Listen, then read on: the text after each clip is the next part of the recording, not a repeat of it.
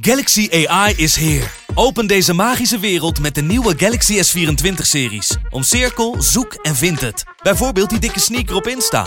Of omcirkel een foto van een gerecht en vind meteen het recept. Op zoek naar wat liefde over de grens?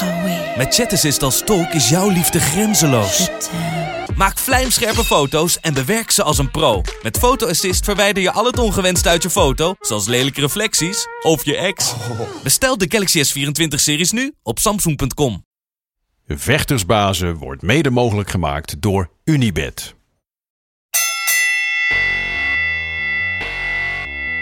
It's time for Vectorsbazen!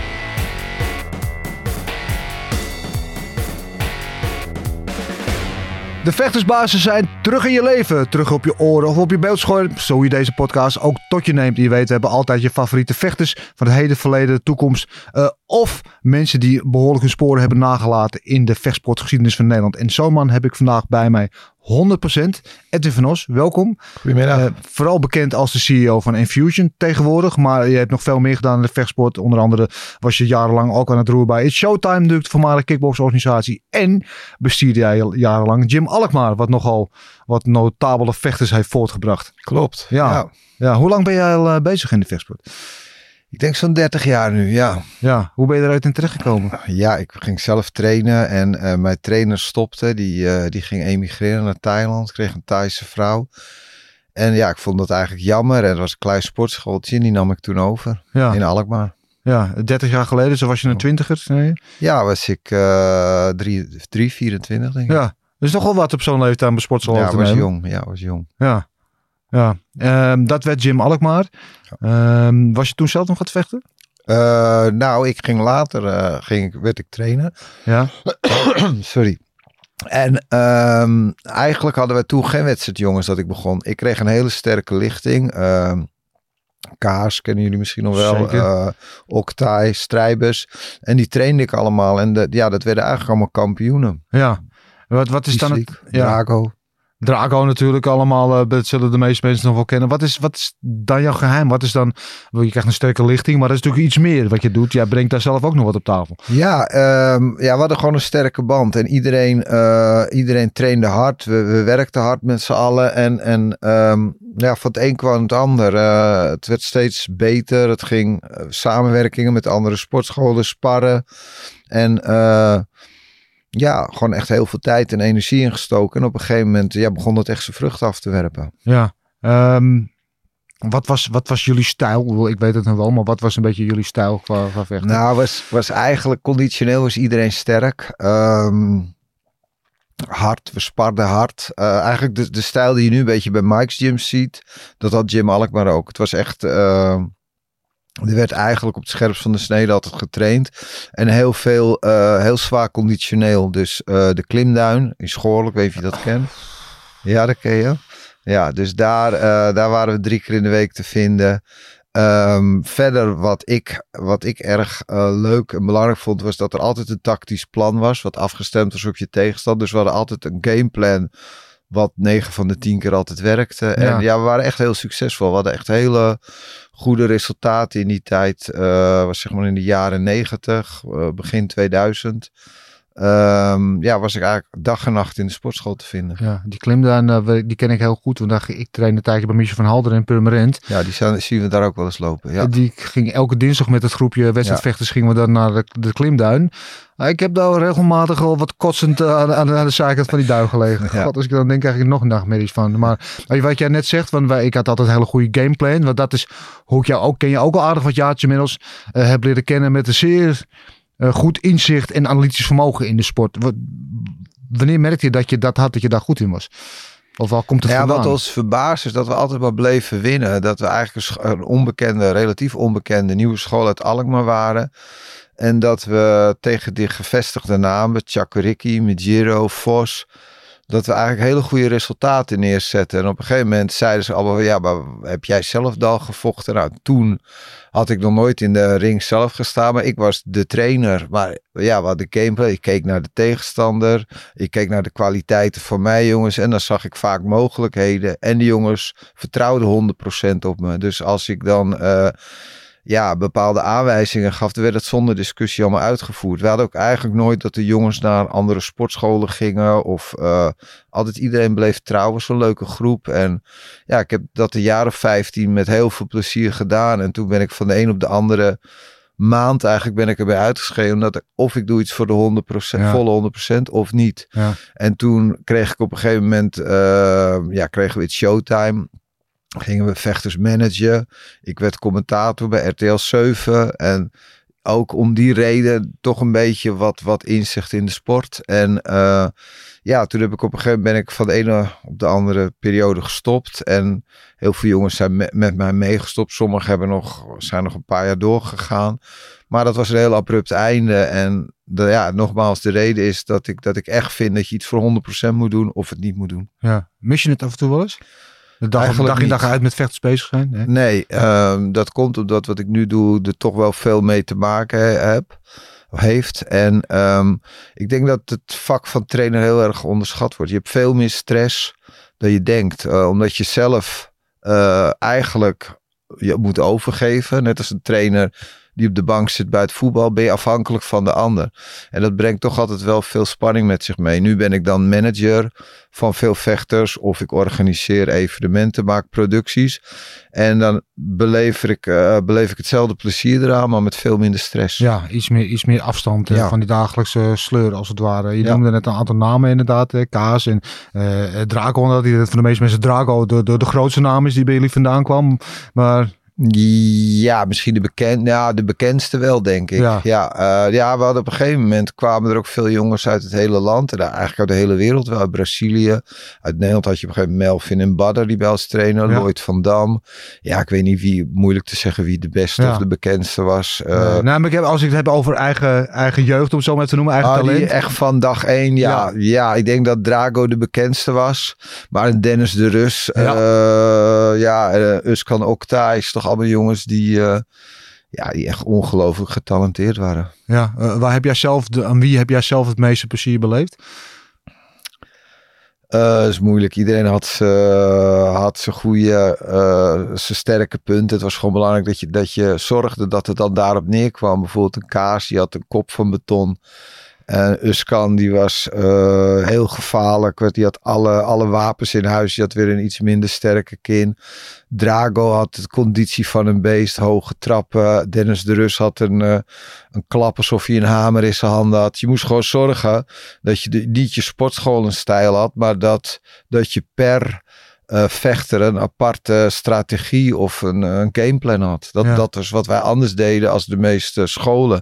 En dat is misschien wel het voordeel dat ik toen uh, niet zelf nog een vechter was geweest. Dat ik. Uh, dat ik niet de mensen op mijn stijl wilde laten lijken of mijn handtekening wilde laten doen. Ik keek naar de, de kwaliteiten van mijn vechten. Misschien is dat wel een van de successen toen in die tijd geweest. Ja. Je had ook wel een bepaalde reputatie. Uh, over de hele wereld gevochten. Tal van mooie verhalen. Is er eentje die je nu te binnen schiet, die het delen waard is?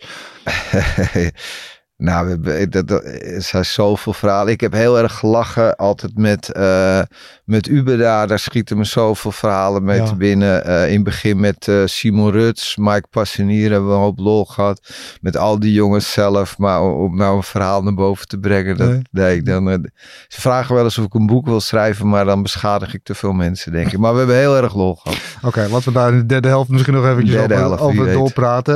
je noemde net al Badden. Want het is op een gegeven moment ook een tijd geweest dat jij inderdaad in de hoek stond bij Badden. Dat Badden ook een soort van bij jullie zat. Een jaar, ja, was was een jaar of 19. Nou ja, met Badder heb ik duidelijk het hoogtepunt was toen die, die tweede keer tegen Leco. Dat was zijn debuut in Japan. Die en uh, ja. ja, het was de Golden Boy noemden ze hem toen al. En toen had hij ja, eigenlijk een knockout die je uh, misschien één of twee keer in je leven ja. maakt. Dat was die, die dus dat is een van de allermooiste die ik ooit gezien heb. Ja, was ongelooflijk. En ik was toen samen met... Uh, ik was de hoofdtrainer en ik had Melvin bij me, Melvin Manhoef. En uh, ja, dat is een van de hoogtepunten natuurlijk ook voor mij als trainer geweest. Die dag in Japan.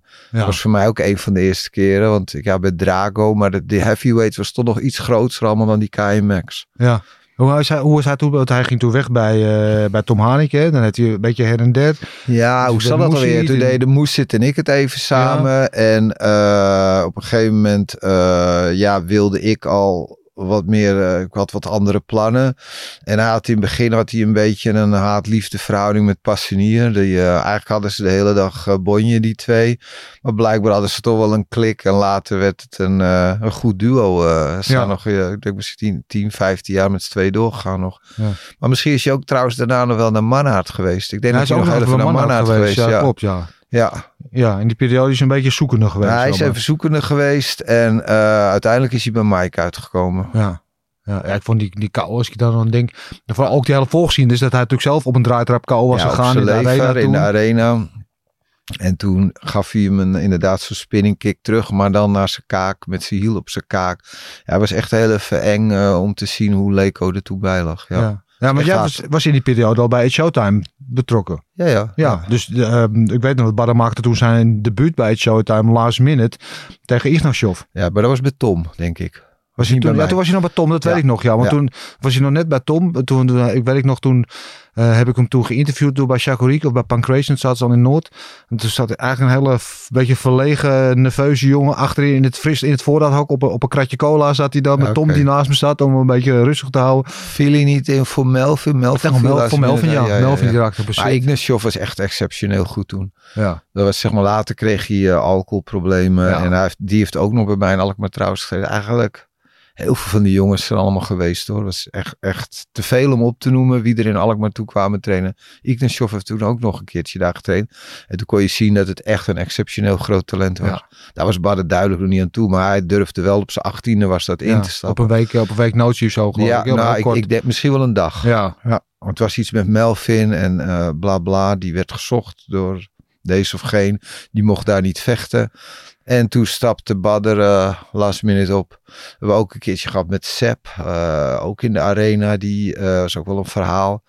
Die, die ging toen ook laat, last minute ging die weg. En toen stapte Peter Aarts. Peter Aarts Peter vanuit Aarts. de VIP. Ja, ja maar dat weet ik nog, want ik liep toen eh, op de arena dek en toen kwam ik Peter Aarts tegen. Die was er voor de Japanse televisie. Die liep dan met een biertje en een bitterbal in zijn ja, ja, klopt. Zeg, toen zei ik nog tegen van lekker relaxen. Als je niet, ja, ja gezellig, dit en dat. En toen liep ik een rondje en toen, keek, toen liep ik de zaal en toen stond hij bezig in de ring. Ja, klopt. Ja, we hebben, we hebben zoveel gekke dingen meegemaakt. Ja, wat is nou eventjes, nu we het daarover hebben, Bob Sepp. Want er zijn heel veel geruchten over hoe dat is gegaan. Wat is daar nou eigenlijk gebeurd? En daar is toen hals over kop uit de arena vertrokken. Ja, ik, ik, kan, ik kan iets vertellen, maar dat is dan mijn waarheid, hoe ik het beleefd heb. Hij zal het misschien zelf anders zien. Maar ik weet dat hij op de weging was en dat hij in onderhandelingen zat met die Japanners, met uh, Daisuke Terokutsi toen. Zijn contract zat raar in elkaar. Hij kreeg want jullie hadden toen een samenwerking met ja. Eh, de, K1. Ja, ja, dat was zeg maar, dat, dus dan hadden wij de kaartverkoop, zij de televisierechten. Zij zouden Bob Sepp uh, regelen en die zou een rematch krijgen tegen Host, als ik me niet vergis. Alleen zijn contract zat zodanig in elkaar dat als hij een commercial maakte in die tijd voor, noem maar wat, Gillette of zo was het. Hij deed van die scheerreclames op de Japanse tv. Kreeg hij 100.000 euro voor een, voor een clipje. En voor een gevecht tegen Hoos kreeg hij bijvoorbeeld maar 10.000 euro. Ja. Dus ja, dat zat niet goed in elkaar op een of andere manier. Dus hij had daar gewoon geen trek in om, om, om daar te vechten. Ze waren nog aan het onderhandelen. En toen weet ik nog dat Simon Ruts uh, tegen mij zei, ik was met Raymond Daalder samen van, wat er gebeurt, gebeurt. Bob Sepp moet zo op de weging verschijnen dat, dat iedereen wel weet dat hij er is. Dus hij was met die Japanners aan het praten. En toen zeiden ze van... Uh, uh, Simon zei tegen me, ga hem halen. Dus ik ging tegen, ik zei tegen die Bob je moet nu met me meelopen. Ik zei tegen Remo, ja, wat nou als hij niet komt? En die Japanners zeiden, nee, je gaat niet mee. Dus ik pakte hem bij zijn arm. Ik zeg, wil je nu meelopen? Je gaat je gezicht laten zien op de, op de, op de weging. En toen zei hij, yes sir. En hij liep met me mee en hij kwam op de weging. Dus daar was ik heel blij mee. Want ja, hij was, ik paste er twee keer in die man. Ja. En op de weging leeg alles nog goed te gaan. En die volgende dag uh, in de kleedkamer is hij, heeft hij het stadion verlaten. Ja. Dus echt, echt last minute. Peter Aarts zat in de zaal, wat jij zegt, aan een bitterbal en een biertje. Dat mocht toen nog. En die kwam op een gegeven moment die lift omhoog. En toen ging het hele ja, het hele stadion ging uit zijn dak. Dus uh, toen hadden we host tegen Aarts voor de derde keer misschien wel. Ja, voor jongens met elkaar. Voor de vierde keer, ja. Ja, dat zijn allemaal van die verhalen van vroeger. En, maar dat is dan hoe ik het beleefd heb. Dat ik dacht, ja, die contracten met die Bob Sepp zaten niet zo goed in elkaar. die verhoudingen tussen zijn reclamecommercials en zijn uh, gevechten, dat was helemaal scheef. Dus die had er gewoon geen zin meer om voor 10.000 euro tegen iemand als host daar te vechten, die ook echt op wraak uit was. Want die had wat recht te zetten. Tuurlijk, tegen ja, hem. ja, ja, toen van twee keer al van hem verloren volgens mij. Ja. ja. Um, wild verhaal, ik weet niet of het kan antwoorden ja of nee, dat Bob Seppel in de kleedkamer zat in zijn broekje met zijn handschoenen en dat er uh, bepaalde mensen van een bepaalde vereniging op bezoek kwamen en dat hij toen hals over kop in zijn broekje in de taxi gestapt en naar Schiphol is gereden. Nou, die kan ik ontkrachten, dat is niet gebeurd. Nee. Die verhalen gingen wel, dat is beslist niet gebeurd. Oké, okay, okay. nou, mooi, dan ben ik blij dat we dat ook ja. hebben rechtgestreken. Showtime was toen destijds wel echt een, een, een ja, voor de aanstaande zeer grote organisatie, internationaal, grote evenementen in de arena die wereldwijd bekeken werden. Uh, is op een gegeven moment overgegaan in Glory. Toen ben jij er tussen uitgestapt. Toen ben je uh, meer met Infusion aan de gang gegaan. Ja, Infusion bestond al als reality shows. Ik denk dat je nog wel mee was toen, of ja. nee, nog niet. Nee, nee, de eerste ben ik er niet mee. Showtime Reality was toen. En ja. De eerste Infusion ben ik wel mee In 2009, die won Kago Drago ja. in de finale tegen Pan Yusuk. En dat deed broertje Petroosje nog mee. Sanje Koet, Kaas deed mee. En toen in 2012 kwam er een, uh, een verkoop uh, van um, It's Showtime en Golden Glory aan uh, het nieuwe Glory. En dat ja. had je Pierre Andurand, dat was dan de, de, financier. Ja. Maar ja, ik ben niet de type om, om ergens in loondienst. dus ik heb een lager uitkoop gehad. Ja. Simon en Raymond hebben toen nog een tijdje, Raymond wat langer voor Glory gewerkt. Simon denk ik, klein jaar, misschien nog ja. wel korter. En toen heb ik ervoor gekozen om met dat merk Enfusion mijn eigen evenementen te starten. En uh, ja, dat is nu ook alweer tien jaar geleden. Ja. Dus tien jaar draaien we al uh, met Enfusion nu ja. uh, live evenementen. Ja, als je terugkijkt in de tijd, is dat makkelijk koer de kont kijken natuurlijk. Maar als je ziet hoe, welke kant Glory is opgegaan. is ook een andere richting dan waar Showtime dat zich op dat moment bevond. Ja. Um, vind het dan jammer dat je daar niet je, je, je tanden in hebt kunnen zetten? Um, in eerste instantie niet. Ja, kijk, als ik misschien een andere rol had gehad of bepaalde vrijheden had gehad, had ik misschien wel mijn steentje bij kunnen dragen aan Glory. Maar um, ik werk erg graag voor mezelf. Uh, dus vind ik moeilijk te beantwoorden. Ja. Maar Simon en, en Raymond, dat zijn ook niet de eerste, de beste. En die, uh, het feit dat Simon al binnen een paar maanden weg was, zegt misschien ook wel iets. Dat misschien had mij dat ook wel kunnen overkomen. Ja. Um, ben je weer doorgaan met Infusion. Dat heb ik zelf ook nog inderdaad wel meegemaakt. Ja. Realities en evenementen en zo. Uh, Infusion is heel doelbewust volgens mij een andere kant op gegaan. Dus Ja. proberen niet uh, uh, de grootste te worden zoals bijvoorbeeld K1 of Glory. Maar echt meer te richten op de ontwikkeling en het afleveren van talent. Ja, wij hebben wel een paar keer de doelstelling gehad de grootste te willen worden. Maar dat is gewoon, kijk, op een gegeven moment nam, namen zij die vechters over Rico, Badder. En zolang die jongens actief zijn, uh, is het kansloos om tegen Glory te, te concurreren. Um, nu zitten we in die rol een beetje van dat we aan het opleiden zijn voor Glory. Uh, twee jaar geleden zag ik dat misschien nog iets anders. Maar ja, je kan gewoon tegen de budgetten die Glory heeft, kan je gewoon een moment niet op. Nee. Um, wij hebben in corona weer een paar mooie talenten uh, gescout. Daar ben je ook bij geweest als Zeker. commentator. Uh, Toussassi en Osa, uh, Cookie, hè? Ja. Nou, jongens die in corona bij ons voor een appel en een ei in een lege zaal hebben gedraaid om mee te draaien. Om, Nou, om, zichzelf om- wel op de kaart hebben gezet daardoor. Op de, op de kaart te zetten. En ja, op een gegeven moment eh, gaat het geld tellen. En ik persoonlijk ben er nu ook achter dat ik de mooiste periode in een carrière vind, is de weg naar de top. Ehm, ik vind dat de spannendste partijen. Ja. De jongens die niks te verliezen hebben, dus die eh, de bovenkant van de B, begin A, dat zijn de jongens die komen echt laten zien wie ze zijn. De jongens die wat verder zijn, die komen om niet af te gaan. Ja. Het is niet zo dat ze bang zijn voor de pijn of de, de, de, de, de- maar de, de afgang van de knockout. Daar zijn ze bang voor. Er wordt heel anders gevochten op topniveau als bij Infusion of bij Maar iets we- kleinere. Wij, wij hebben echt heel veel kwaliteit. En dat zijn de jongens is. nog die vol gas willen geven. En ik vind dat de leukste periode in een, in een eh, carrière. En het zijn ook de mensen die heel dankbaar zijn dat ze kunnen vechten. Eh, weinig hoofdpijn heb je daar nog aan.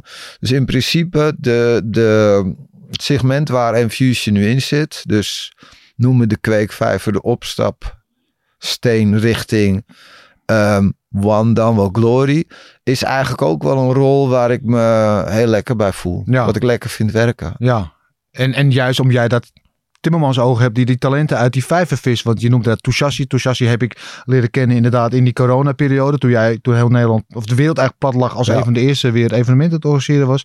Zeer onder de indruk geraakt van Touchassi toen. Ja. En dat, dat zien we nu ook bij Glory terug. Want dat indrukwekkend debuut eh, twee weken geleden. Ehm jij hebt hem, hij is volgens mij dezelfde leeftijd als toen jij met Badden samenwerkte.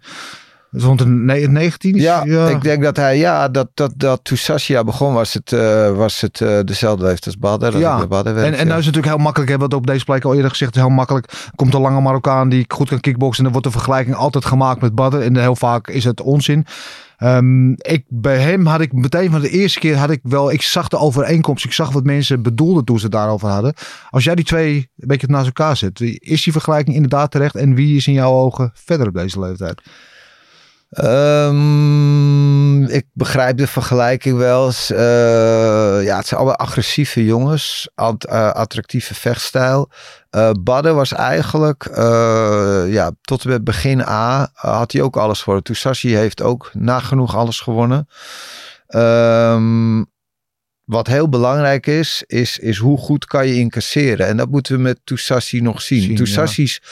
Enige zwakke punt die hij had onder Infusion was lucht. Hij eh, was heel gevaarlijk. Ehm, heeft negen levens. Soms denk je hij is leeg, komt hij weer. Maar ik denk bij Mike Passenier dat hij wel eh, dat ze conditioneel heel sterk zijn. Dus het is 's ochtends 7 uur op de sportschool. eh, op de loopband. Alles wordt gemeten, nagekeken. Het is toch semi-wetenschappelijk word je daar eh, begeleid. Dan geef ik geen vraag op je antwoord. Misschien doe ik dat wel expres. Ehm, wie is verder? Ehm, ja, dat durf ik niet te zeggen. Nou ja, kijk, Badr is natuurlijk een once in your lifetime eh, talent. Je hebt natuurlijk het talent druipt natuurlijk van hem af. Ehm, Ik vind het niveau op zwaargewicht ehm ligt gemiddeld een stuk lager dan zo'n andere gewichtklasse. ja, dus En Badder was een jongen, ja. ja. die bewoog als een, zwaar, als een middengewicht, sloeg als een zwaargewicht. eh ja, was gewoon een eh, eh, exceptioneel talent in de, in de zwaargewicht. En in het middengewicht, en vooral op de 70 kilo, barst het van de hele goede jongens. Dus zolang Tousashi niet echt een zwaargewicht is, denk ik dat het niet te vergelijken is. Nee, nee. Gaat hij daar wel? Hij is nog jong inderdaad. Hij is vrij groot ook. Hij is nu al een omhoog gegaan. Kijk, een groot verschil nu met vroeger was dat vooral in de K1 werd er niet moeilijk gedaan om eh, hulpmiddelen, als je Nee. begrijpt wat ik bedoel. Aha. Nou, nu wordt daar moeilijk om gedaan. Ik zelf denk, ja, ehm, dat, dat het niet makkelijk is om, om zwaargewicht te worden. Eh, het goede nieuws nu is dat eh, elke gewichtklasse interessant kan zijn. In, in onze tijd, dat ik nog trainer was, had je twee keuzes. Of 70 of zwaargewicht. En dat je jongens zoals bijvoorbeeld Melvin Manhoef, die tegen Remy Boljalski konden, moesten vechten. Ja, dat ging natuurlijk niet Nee. of moeilijk. Terwijl hij de allerbeste van de wereld op 85 had kunnen zijn. Ja. Maar dat telde toen niet. Nee, nee. Touchashi is natuurlijk de laatste exponent hè, die van jou is doorgestroomd. Maar er zijn natuurlijk een heleboel door de jaren heen van eh eh, Levi Richters, Tavares, eh Cookie, Typhon Oscar die naar One is gegaan. En vergeet ik er nogal een aantal. Volgens mij Semeleer heb je nog, nog gehad. Ja, heel veel jongens manage ik nog. Hè? Niet allemaal, maar heel veel manage ik nog. Ja, en we hebben daarvoor ook, we hebben natuurlijk dat we net begonnen, hebben we ook een hele generatie opgeleid. een Mohamed Jiraya, een, een Ilias Boulaid. Ja.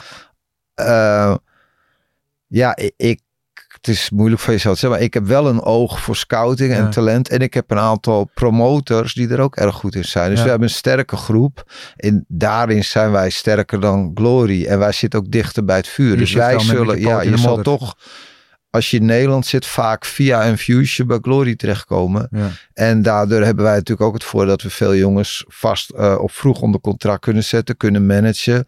En waardoor wij natuurlijk altijd een sterke speler in de markt zullen blijven. En ik vind dat ook heel leuk om te doen. Ja, wat is het geheim? Want daar ben ik inderdaad benieuwd naar. Want jij bent eh, inderdaad door de jaren heen bekend geworden als iemand die alle paardjes uit de zee weet te vissen.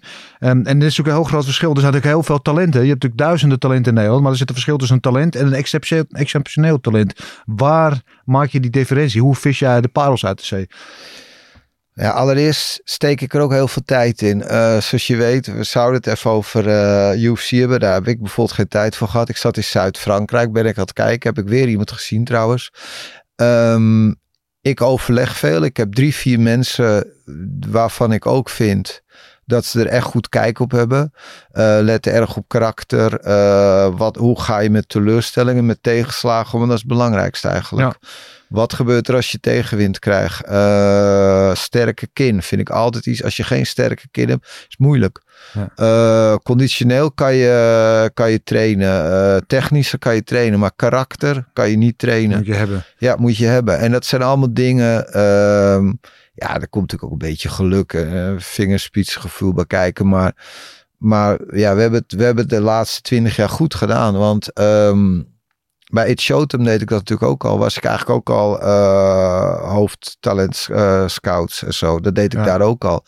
En een Rico komt via ons. En een, een Badder. En uh, ja, noem ze maar op. Toen al die goede jongens. Die Manouf. En Giorgio Petrosian. Giorgio Petrosian heb ik heel jong al bij uh, It Showtime binnen gehad. Dus ja. in mijn ogen de allerbeste vechter ooit. Ja? Het ja. het dan een min? Want dat is nogal een statement. Alle, alle namen die je net noemt, ja. alle namen die we al gehad hebben. Ja, de kunst is ook uh, of je op tijd stopt. Hè? Een Superbon, nog het naam trouwens, die uh. Typhoon verloor van Superbon. En toen hoorde je veel mensen zeggen, ja, maar dat is ook een ander niveau dan Infusion. Maar Superbon heb ook acht keer bij Infusion gevochten. Ja. Um, Verloor van Semeleer toen in het toernooi bij jou. Ja. Ja. ja, ik vind het altijd moeilijk in een achtmans toernooi om een finale. Je weet niet wat iemands traject daarvoor is geweest. Om nu te zeggen dat Semeleer inderdaad beter is dan Super Bowl gaat te ver. Maar ze hebben inderdaad tegen elkaar gestaan en dat had hij, uh, had gewonnen. En die was echt een outsider in dat toernooi. Ja. Maar ook weer een jongen waar we vroeg bij waren. Maar je moet niet vergeten dat je toch heel erg afhankelijk bent. Want je kan natuurlijk zeggen, ik kom naar dat of dat gala, naar die en die kijken kijken. Maar daarvoor zit ook altijd iemand die je tipt. Hè? Ja. Dus, dus je doet het nooit alleen. Je, je bent met een groep. En ehm, ja, dan moet je je mensen ook serieus nemen. Dan moet je de tijd investeren, geld in investeren. Uh, je moet daar naartoe. Je moet, je moet dat wel allemaal goed gaan doen. En, en als je hard werkt, dat geldt in en buiten de ring, ja, dan word je beloond. En als je op een gegeven moment denkt dat, dat het makkelijk zal gaan, dan, dan ga je gewoon wegzakken of neemt iemand anders je plek in. Ja, maar Petrosian, de beste vechter ooit, omdat? Had het beste oog. Uh, wist precies waar hij stond. En dan weet ik dat, dat het bij One ietsje minder werd. Maar dan praat ik over de KM Max tijd. Ja. Kijk, we hebben natuurlijk echt knorden in Nederland gehad. Uh, waarvan ik persoonlijk in Nederland uh, Andy Sauer de beste vond. Met Kraus en Drago de vlak achteraan. Ja. Valdi Shabari. Maar ik vond hem dan, maar ik vond Giorgio weer iets beter dan, uh, dan Andy nog. En het rare was dat hij uit, uh, het is natuurlijk een Armeense jongen die in Trieste in Italië trainde. Eigenlijk met zijn broertje en een trainer. Dat, uh, dat hij uit zo'n omgeving kwam en dan toch zo, zo, goed, goed was. Ja. ja. dat houdt toch in dat er, dat er heel veel talenten nog allemaal onontdekt zijn. En wat bijna 80, 90 procent komt uit Nederland of heeft een Nederlandse trainer om de simpele reden dat je hier elk weekend kan vechten of kon ja, vechten. Kon vechten ja. En daar heb je één gala per maand. Maar dat zo'n jongen daar dan boven komt drijven. En we hebben ook in, in uh, Tsjechië wel eens jongens gezien. Ik heb wel eens een leerling gehad, die kwam naar Alkmaar ook. Jiri Shak, weet niet of ja, dat zeker. Die, uh, de naam zegt het al, die trainde zichzelf enkel op de bokzak. Die had een schuurtje met een bokzak. En die draaide gewoon bij de wereldtop mee. Ja. Die vocht tegen Ashwin Balrak, tegen Sain Yakut. Van Yuri Mes zelfs gewonnen een keer. En ja, er loopt gewoon nog heel veel rond. Ja. Vooral in Rusland en dat soort landen. We hadden de laatste documentaire ook weer een jongen rondlopen. Ja, ongelooflijk goed. Ja, dus maar er loopt genoeg rond. En... Uh, ja, dat zeg ik. Je moet, het, uh, je moet uh, ze slijpen, die diamanten. Ja, en ze op tijd uh, ja. waarnemen. Ja. dus. Het is heel belangrijk dat ze bij een goede sportschool zitten. En er zijn geen goede en geen slechte sportscholen. Maar het gaat erom de klik die de je met je trainer hebt. Ja. Nee, maar je, je, je, hoort wel eens, wat is de beste sportschool? Nee, maar de juiste. De juiste, de juiste klik, vechter. precies. Ja. dat klik. is de kunst. Ja. Um, we hadden het net al, je zei inderdaad, vroeger kon je elke week vechten. Dat is de laatste jaren helaas wat minder door de verschillende omstandigheden. Alhoewel wij ons best doen. Wij hebben elk weekend nu zeggen, tot december. Ja, ja.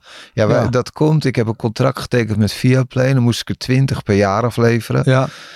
En ik moet echt uh, alle zeilen bijzetten nu. Want je hebt natuurlijk bijvoorbeeld volgend jaar, je hebt ook een maand Ramadan waarin minder gebeurt. Je hebt twee maanden zomervakantie. En dan heb je de EK voetbal waar je echt niet tegen in moet gaan, want dan heb je een lege zaal. Ja. Dus dat betekent dat je in acht maanden tijd uh, twintig evenementen moet wegstouwen. En dat zoals nu zit, dan in een periode dat je er gewoon vier in een maand hebt. Ja. Ja, lekker, blijven lekker de straat, toch? Heb je wat te doen? ja, klopt. ja, uh, het is natuurlijk formaat geworden om het Kickbox Infusion. De kickbox-organisatie, de laatste jaren ben je al wat meer aan het roeren met uh, het MMA, met ECE en Infusion MMA. Uh, je zei laatst dat je daar ook wat meer de focus op gaat leggen de komende tijd. Hoe zit dat? Ja, nou ja, eh, MMA, super interessant, leuk. Ehm, ook weer even terug in de tijd. We hadden vroeger al een huis, zeg maar in Alkmaar. En dan hadden we veel UFC-vechters, of jongens die later naar de UFC uh, gingen, die naar Nederland kwamen om het staande werk te leren. Ja, noem, eens, noem eens eentje. Uh, Fabiano Schenner, een heavyweight, uh, Tavares. We hadden veel jongens. Ja. Um, vijf hadden we er toen tegelijk. Dus wij waren wel heel erg geïnteresseerd in, in MMA. Alleen toen hadden we natuurlijk het idee een beetje met Showtime dat we nog concurreerden met alles. En toen dachten we, ja, god, tegen de UFC kan je niet op.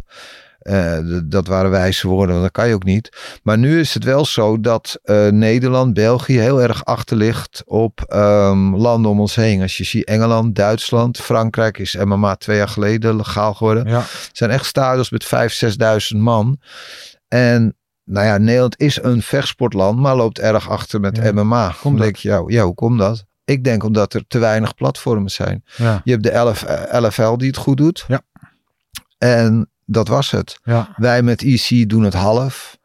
Zeg ik heel eerlijk. Uh, wij gaan nu uh, vanaf volgend jaar willen wij echt uh, het MMA op de kaart gaan zetten. Wat houdt dat dan in? Wat is onze taak dan? Is zorgen dat de jongens die hard trainen een platform krijgen. Ja. Want niemand wil hard trainen als je geen platform krijgt. Wat gaan wij doen? Nou ja, dit weekend in Alkmaar, Horusvaart, hebben we een mm samenwerkingsverband met Hexagon. Dat is een, een grote organisatie uit Frankrijk. Ja. Uh, daar gaan we mee samenwerken. We zijn in vergaande onderhandelingen met Brave. En dan willen wij, ja, interessant. Vooral om de jongens door te laten stromen. Uh, in MMA moet je die de illusie hebben dat je kan concurreren met die grote jongens. Maar je moet opleiden. En dan eigenlijk wat ik bij Glory doe, dat je een management doet. Of dat je jongens weer door laat stromen. En uh, dan willen we de markt van de westkant van Duitsland. Dus zeg maar tegen de Nederlandse grens als steden als Woepertaal, Düsseldorf. Uh, België willen we gaan oriënteren, maar ook Nederland. Het probleem in Nederland is dat je eigenlijk heel weinig middelgrote zalen hebt.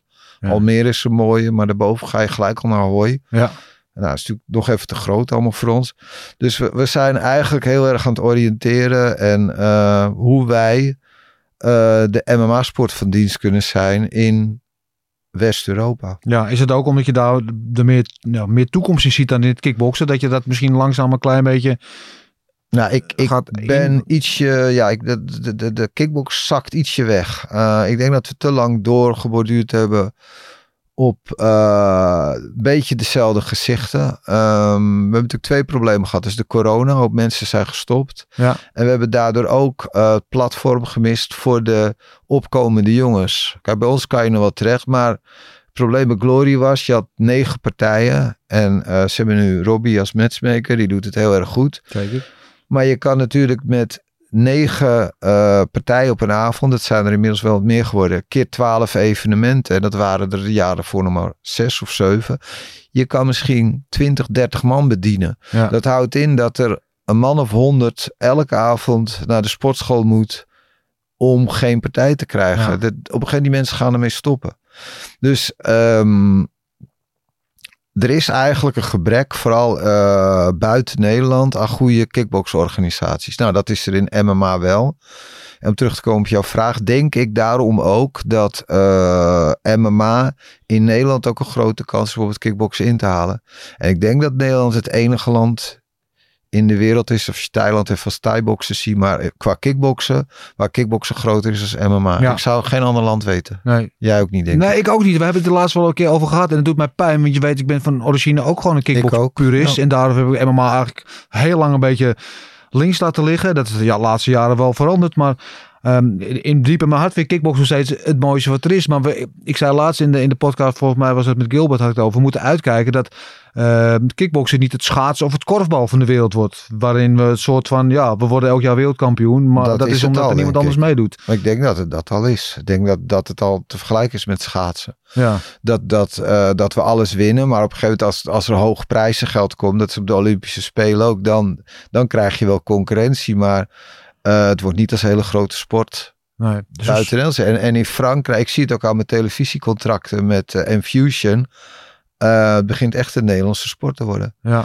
En uh, ik moet ook zeggen dat sinds ik in het MMA zie dat het ook allemaal wel beter geregeld is en zo. Ja. Kickbox begint ook gelukkig stappen te maken hoor. Er zijn dingen die beter gaan.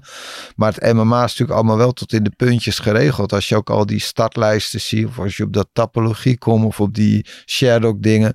Ja, je hebt geen valse startlijsten meer. Je hebt natuurlijk heel veel jongens die jou, of, heb je er gevochten nou, uh, tien. Uh, kijk, als je alle kickboxers hun wedstrijden optellen, dat er veel meer mensen gewonnen hebben dan verloren. En dat hoort in balans te zijn. Ja. Bijna ieders jaar, maar dat telde niet. Ja, maar die had ik eigenlijk geworden. Oh, die dag voelde me niet zo lekker, die tel ik niet mee. Maar bij MMA wordt alles tot in de puntjes geregistreerd. En het is gewoon op het moment beter georganiseerd. Ja. En meer wereldwijd dan uh, kickbox. Ja, wat dat betreft zonde, want in 2028 stond, was er sprake van het kickbox kickboksen, Muay Thai een Olympische sport zou worden. Dat is niet geworden. Dat had echt een boost kunnen geven, denk ik.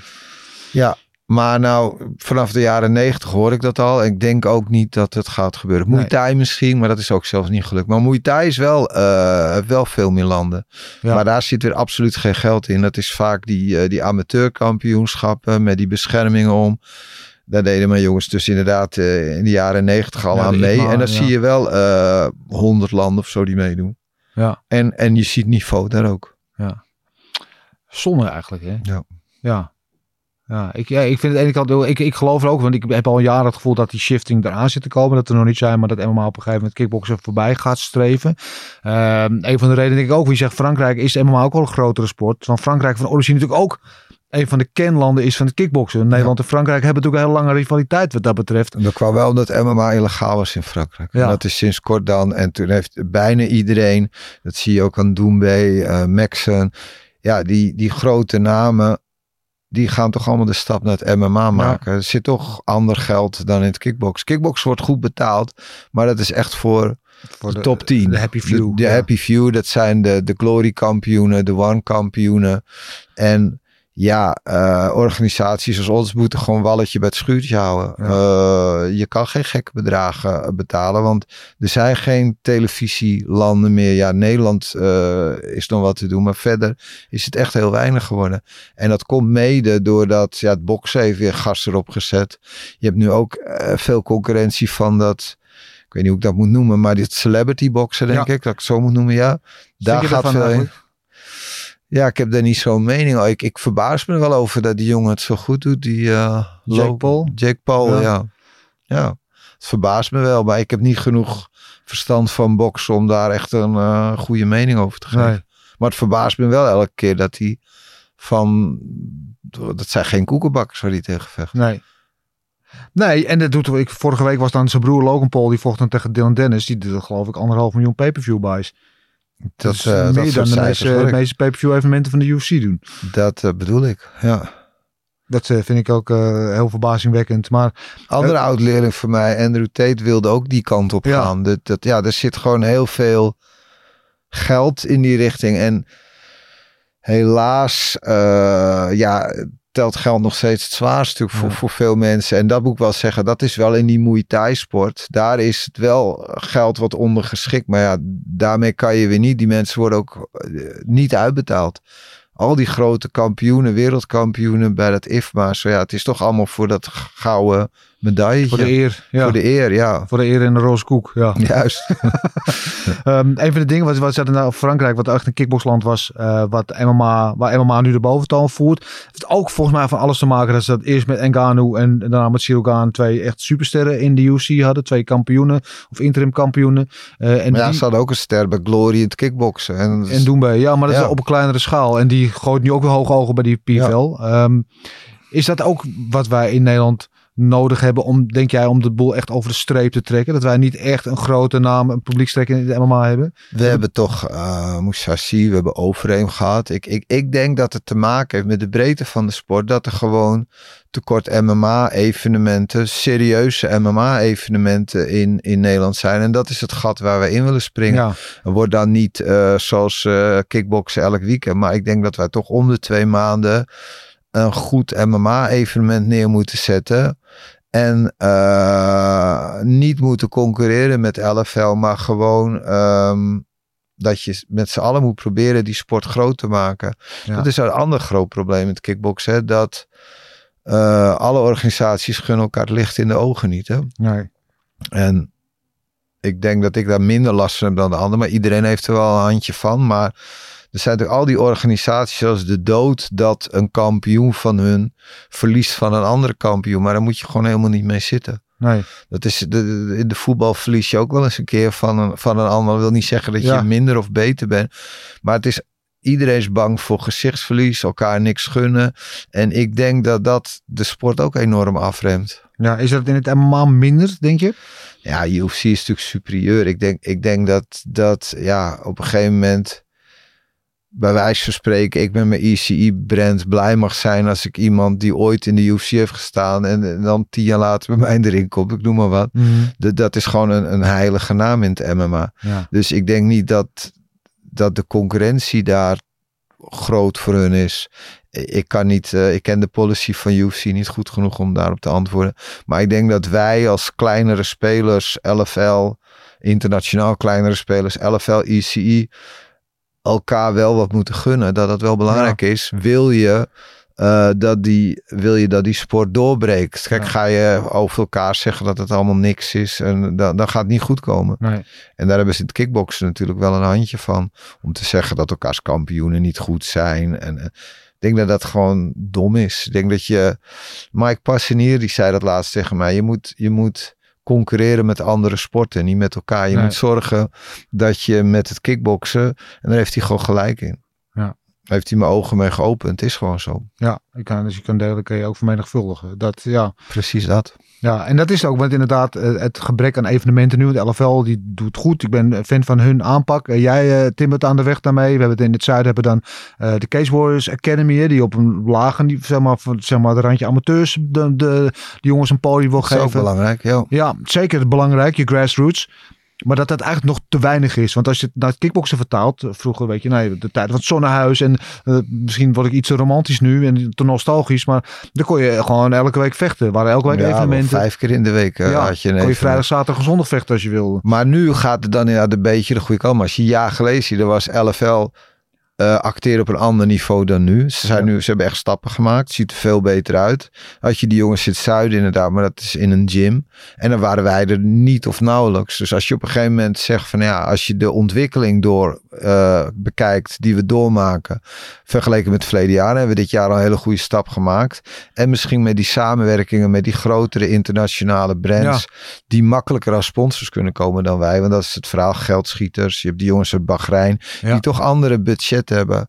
Um, televisiegelden kan ik niet in hun portemonnee kijken, maar geld speelt minder een rol. En als je dan dingen neer kan zetten, ja, dan kan je zomaar over twee, drie jaar uh, gelijk het kickboksen staan in ja. Nederland. Ja, en en uh, mijn oude ringspeaker, uh, Navotny, ik weet niet of je dat wat zegt, van Octagon uit Praag. Die hebben gewoon zalen in Duitsland nu met 10, 15.000 ja. man. Het kan echt heel hard gaan. Ja, Um, daar die samenwerking met, met uh, Hexagon en dan met Brave, die er aan zit te komen. Kan je daar iets meer over vertellen hoe dat in elkaar zit? Ja, je kan het een beetje vergelijken, uh, grofweg, uh, met het oude Showtime K1 concept. Dat de een pakt de kaartverkoop en uh, zet alles neer. De ander betaalt de vechters en pakt de televisierecht. Iets in die richting moet je het gaan zien. Uh, het is nog te vroeg om, om, om echt heel details te geven, omdat we nog in onderhandeling zijn. Maar grofweg moet je het iets in die richting zien. Ja. Waardoor je toch andere budgetten gaat krijgen. Ja. En die budgetten kunnen dan bij betere vechters terechtkomen. En uh, doorstroomvechters, dat is ook heel belangrijk. Kijk, als je in Nederland op een gegeven moment... We hebben nu Harry Juli. Ja, eigenlijk een jongen die binnen korte tijd in Nederland niet veel meer te zoeken heeft. Maar de top van Nederland weegt niet op tegen de weegt top. van niet de tegen de top van, van, van heel veel andere landen. En om, om over Rusland of zo maar te, te zwijgen. En wil je die stappen eh, geleidelijk maken, ja, dan moet je toch beetje bij beetje. Heel, iedereen praat over de UFC, maar zelfs een Harry Juli zou ik als ik hem was de eerste vijf jaar nog gewoon ver van de UFC wegblijven. Ja. Je ziet ook dat de gemiddelde leeftijd van veel kampioenen dik boven de 30 daar is. Ja, En de reden is dat kickboksen heel veel conditioneel is en dat MMA heel veel strategisch is. ja. Dus dat je met eh, heel veel wedstrijdervaring steeds rijper wordt. Je ziet die, de oudere jongens het kickboksen gaan steeds moeilijker krijgen. Ja. Want ja, ze gooien er een schepje op tegenstander. Je wordt kwetsbaarder. Maar die oude rotten in de MMA, die doen het nog heel erg goed. Dat is een groot verschil. Ja, iemand als Hayuli, hè, dat is een enorm groot talent. Iemand ook met enorme sterpotentie. Hè. Ehm, voor hem met name, zo'n zo'n samenwerking met Brave zou fantastisch kunnen zijn, denk Ja. ik. Want die jongen heeft inderdaad alles in zich om ster te worden. Hij heeft enorm veel talent. En als je kijkt, Brave heb jongens, nu jongens als Chimaev en, en eh, Mohamed Mokaev. Die Asaita broers komen daar volgens mij ook vandaan. Die hebben best wel eh, wat jongens afgeleverd daar Ja. uit die regio. Nou, het is een tussenstap. Je moet ons eh, als de begaande grond zien. En dan moet je een verdieping hoger. Wij hebben hem natuurlijk voorzichtig gebracht. Volgens sommigen misschien te voorzichtig.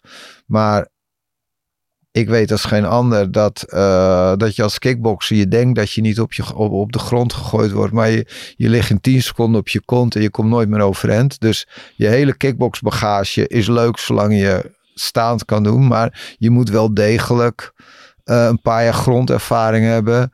Wil je iets in de kooi te zoeken hebben? Nou ja, hij had weinig grondervaring twee jaar geleden. Nu begint hij langzaam te groeien. Hij, hij werkt veel nu met, eh, met goede jongens op de grond. Ja. En dit idee over Brave heb ik met Harry Jullie besproken. En ja, ik hou hem voor alles op de hoogte. Ik, ben, ik doe zijn management ook. En ja, we hebben de stappen, we gaan stappen maken. En ik heb ook tegen hem gezegd.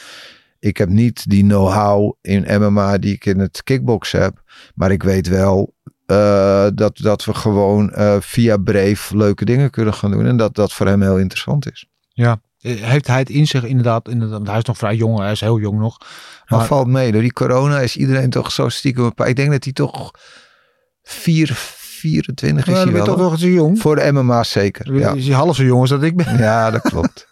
Maar heeft hij het inzicht, denk jij, om inderdaad echt door te stomen naar de absolute top, als hij de weg vol blijft volgen die hij nu volgt? Ik denk het wel. Eh, hij is ontzettend gedreven. Heeft een goed team om zich heen. Eh, blijft met twee benen op de grond staan. Ik denk, en je bent natuurlijk eh, afhankelijk van heel veel factoren. En gezondheid is belangrijk, het belangrijkste van alles.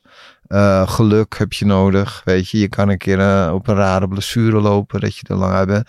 Maar ik denk dat, dat de kans er is en redelijk groot is. Dat dit een hele grote ster gaat worden. Ja, dat denk Ja. ik. Ja, ik ben een enorm fan van de man. Ik vind hem echt eh, fantastisch. En, ze, en hij heeft een bepaalde uitstraling ook. Hè. Die kan je niet aanleren. Die heb je Het is een jezelf. nette jongen. Ja, het is heel en daar jongen. begint het mee. Hij, hij, eh, hij is down to earth. En eh, de meeste mensen hebben een iets andere indruk van omdat hij op de, op de ehm, weging wil hij wel eens nors zijn. Ja, dan ja. zit hij in een bepaalde focus. Daar wil hij niet uitgehaald worden. Want hij wil echt de volgende dag wil hij korte metten met die tegenstander maken. Dus hij zit in een soort focus. Daardoor komt hij misschien Ja, hij is wereldkampioen boos kijken. ja, dat soort dingen. Dus daardoor kunnen mensen er ander in. Maar het is echt een lief joch. Eh, hij is intelligent. En eh, heeft alles in zich om een groter te worden. Zeker weten. Wat is jouw uiteindelijk het doel met jouw avontuur dat je nu ingaat aan de MMA-kant? Ehm, het is toch een beetje op twee paarden wedden. Ehm kickboksen sluit ik niet uit dat, dat, dat, dat, dat een moeilijke tijd tegemoet gaat. Ehm dat toch niet de hele markt bediend gaat worden. Er zit te weinig structuur in.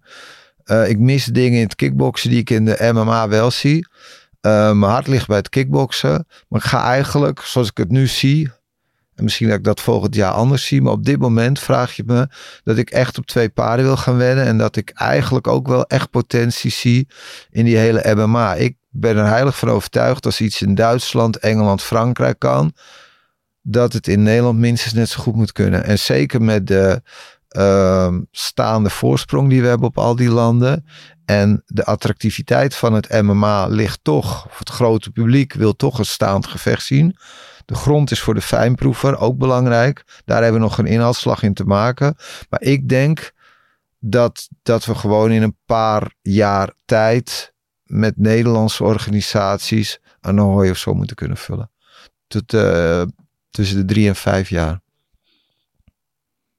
Gewaagde uitspraak, ja. Ja, nee, ik vind het een mooi. Nee, nee, nee, je moet altijd... Je moet Ambities hebben, ja. Voor de stage, land on the moon, ja. Weet je nog, uh, wat was het? was begin jaren 2000. Toen, toen gingen we naar de Amsterdam Arena. Als dacht ja. ook iedereen we gek waren. Ja.